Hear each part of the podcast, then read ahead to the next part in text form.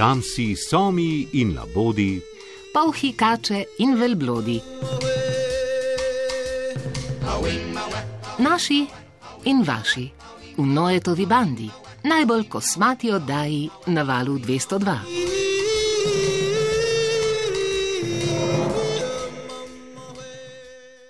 Približno 2000 užitnih vrst žuželk na svetu pristane na krožnikih in za najmanj 2 milijardi ljudi so del dnevne prehrane, kot je pokazalo poročilo Organizacije Združenih narodov za prehrano in kmetijstvo.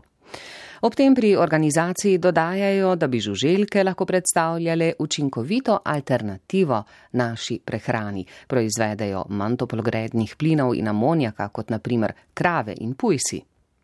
No, mi jih tokrat ne bomo iskali za kosilo, pa čeprav nekaterim našim hroščkom rečemo kozlički. Zakaj in zakaj iščemo kozličke, vam v naslednjih minutah pove Veronika Gnezda. Hrošči sodijo med žuželke in so najštevilčnejša skupina med njimi. V svetovnem merilu je opisanih približno 350 tisoč različnih vrst hroščev, to je 40 odstotkov opisanih vrst žuželk in četrtina vseh znanih živalskih vrst. So kozmopolitski in razširjeni, ne najdemo jih na polarnih predeljih in v morju, zaradi dobre prilagodljivosti pa so v številnih drugih habitatih. Ja, jamski habitati so zagotovo eno izmed takih sploh v Sloveniji. Prva jamska žival, ki je bila uradno opisana, je bil jamski hrošč, eh, najden v Sloveniji. To je bil drobnovratnik. Konec koncev, eh, sama skupina hroščev se je pojavila nekje pred 300 milijoni let, tam nekje v konc Perma, če se ne motim, predniki seveda že par sto milijonov let prej. In vemo, da se je konc mezozoika marsikaj dogajalo, recimo ti ta večji uh, živalski organizmi, uh, dinozauri, recimo so takrat izumrli. Ti hroščki so pa preživeli ne? in od takrat uh, seveda na nek način kar, kar vladajo temu planetu, ne? vsaj po številu vrst vseeno pa jim ni najlažje. Na več seznamih, kaj ljudje najbolj sovražijo, so podganah, komarjih in osah vedno tudi hrošči. Nekateri jih samo ne marajo, drugi pa jih imajo za škodljivce. A biolog Martin Vernik Zavoda Republike Slovenije za varstvo narave območne enote Maribor pravi, da ljudje pač gledamo iz svojega kota, narava pa škodljivcev ne pozna. Zagotovo vsi poznamo koloradskega hrošča, ampak tega smo prinesli, ko smo prinesli iz Amerike krompir. Ne. Poznamo seveda recimo tudi smrekovega lubadarja, ki je tudi prej živel v naših avtohtonih gozdovih, ampak zdaj, ko recimo eh, smo spremenili te naše mešane ali pa bukove gozdove v enomerne smrekove gozdove, pa seveda na nek način pomagamo, da se ta lubadar lahko toliko hitreje tudi razširja.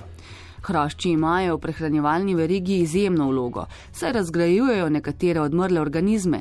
Med njimi najdemo tudi plenilce, take koristne, pa še srečo naj bi prinašali. Med njimi so največje žuželke. Mislim, da je največji hrošč eh, lahko meri tam nekje 18 cm, gre v glavnem za eksotične vrste. Po svoji uh, velikosti lahko dvignejo težo par stokrat eh, večjo od njihove lastne teže, tako da so, so res zanimivi. Ne. Pri nas je za zdaj opisanih približno 800 hroščev in da bi lahko vsaj nekatere izmed njih podrobneje spremljali, Zavod za varstvo narave že nekaj let vabi k sodelovanju v akciji Ste videli hrošča, pri kateri ima veliko vlogo prav Martin Vernik. Namreč do akcije je prišlo tako čisto spontano. Eh, sem rekel, ma, zakaj pa ne bi probal res ker, ker nas je tako malo, ki popisujemo te hrošče po terenu, da bi pa ljudi poprosili, da nam sporočijo, ali so kje videli katero od bolj prepoznavnih hroščev. In ljudje so se odzvali, bodi si preko telefona, bodi si preko elektronske pošte.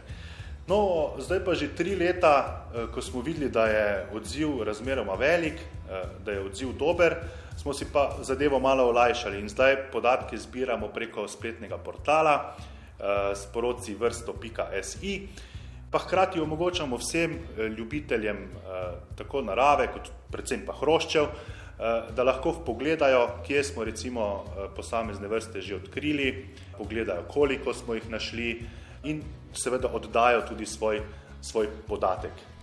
Seveda so se morali omejiti na določene vrste, saj so nekatere vrste hroščev težko prepoznavne.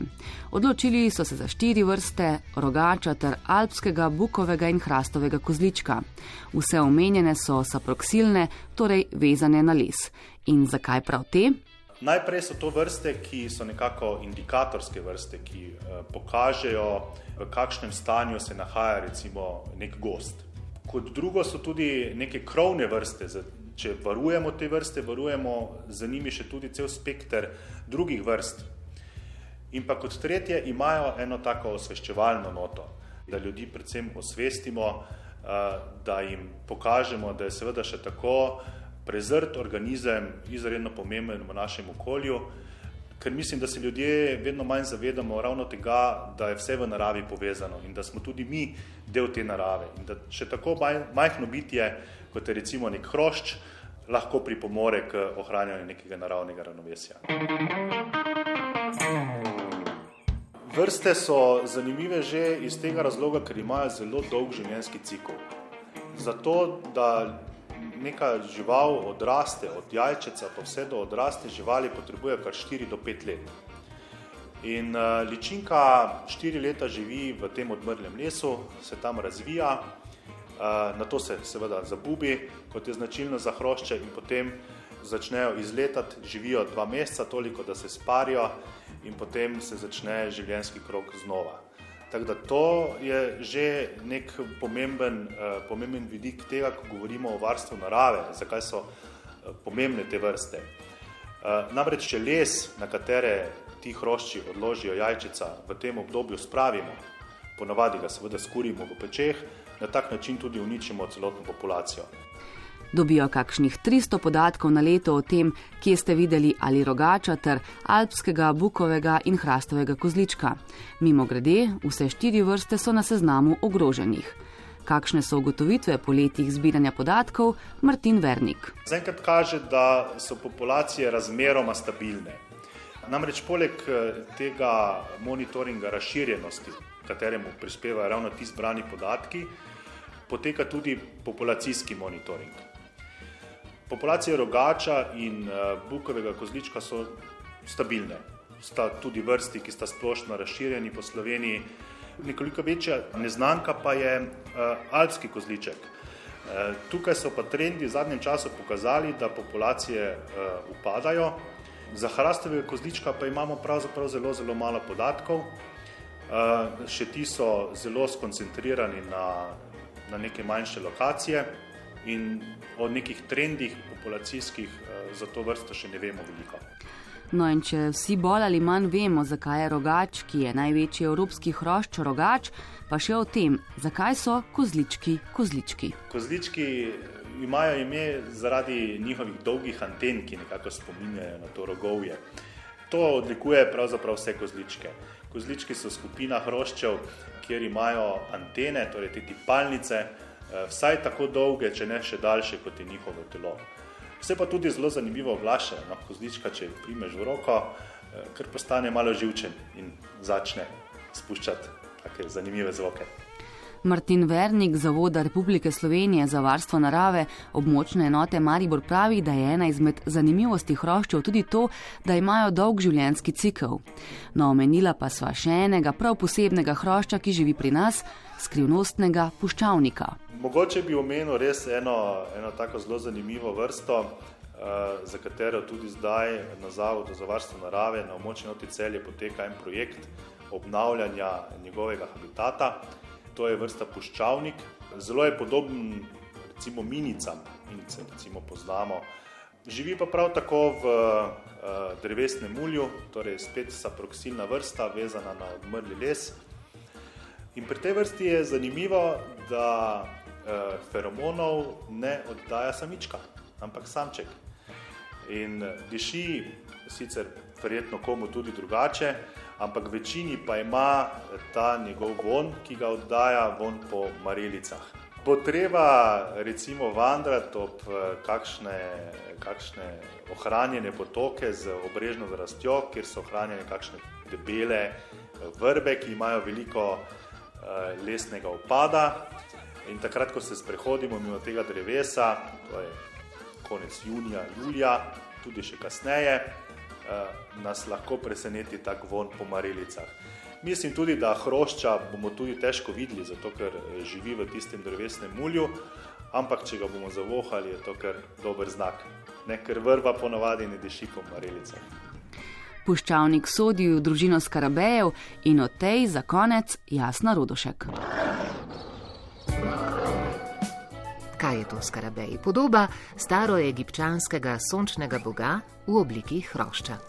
Najpogosteje je bil upodobljen sveti skarabej, ki je sicer znan po kotaljenju kroglic govna po tleh, ki jih na to zakoplje v skrivališče. V času od srednje egipčanske države naprej so bile podobe skarabeja prisotne predvsem na kamnih pečatnikih in amuletih. Upodobljeni so bili tudi na hieroglifih v grobnicah. Od nove države naprej, se pravi od 18. dinastije, so amulete pogosto postavljali nad srce mumificiranega trupla in eh, po knjigi mrtvih so morali biti izdelani iz kamna zelene barve. Ti posebni skarabeji so bili nadomestki srca. Drugi narodi in druge religije so skarabeje adaptirale za svoja božanstva. Med ostalim so jih uporabljali kot posmrtne darove, talismane in nakit. Še maroški pregovor. V očeh njegove matere je prav vsak hrošč videti kot gazela.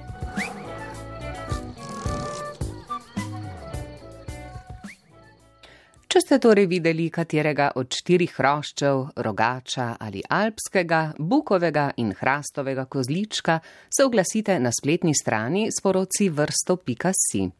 Kako so hroščki videti, pa si oglejte na spletni strani Noetove bande na strani Vala 202, torej val202.si. Jasna Rodošek in Veronika Gnezda jih že poznata.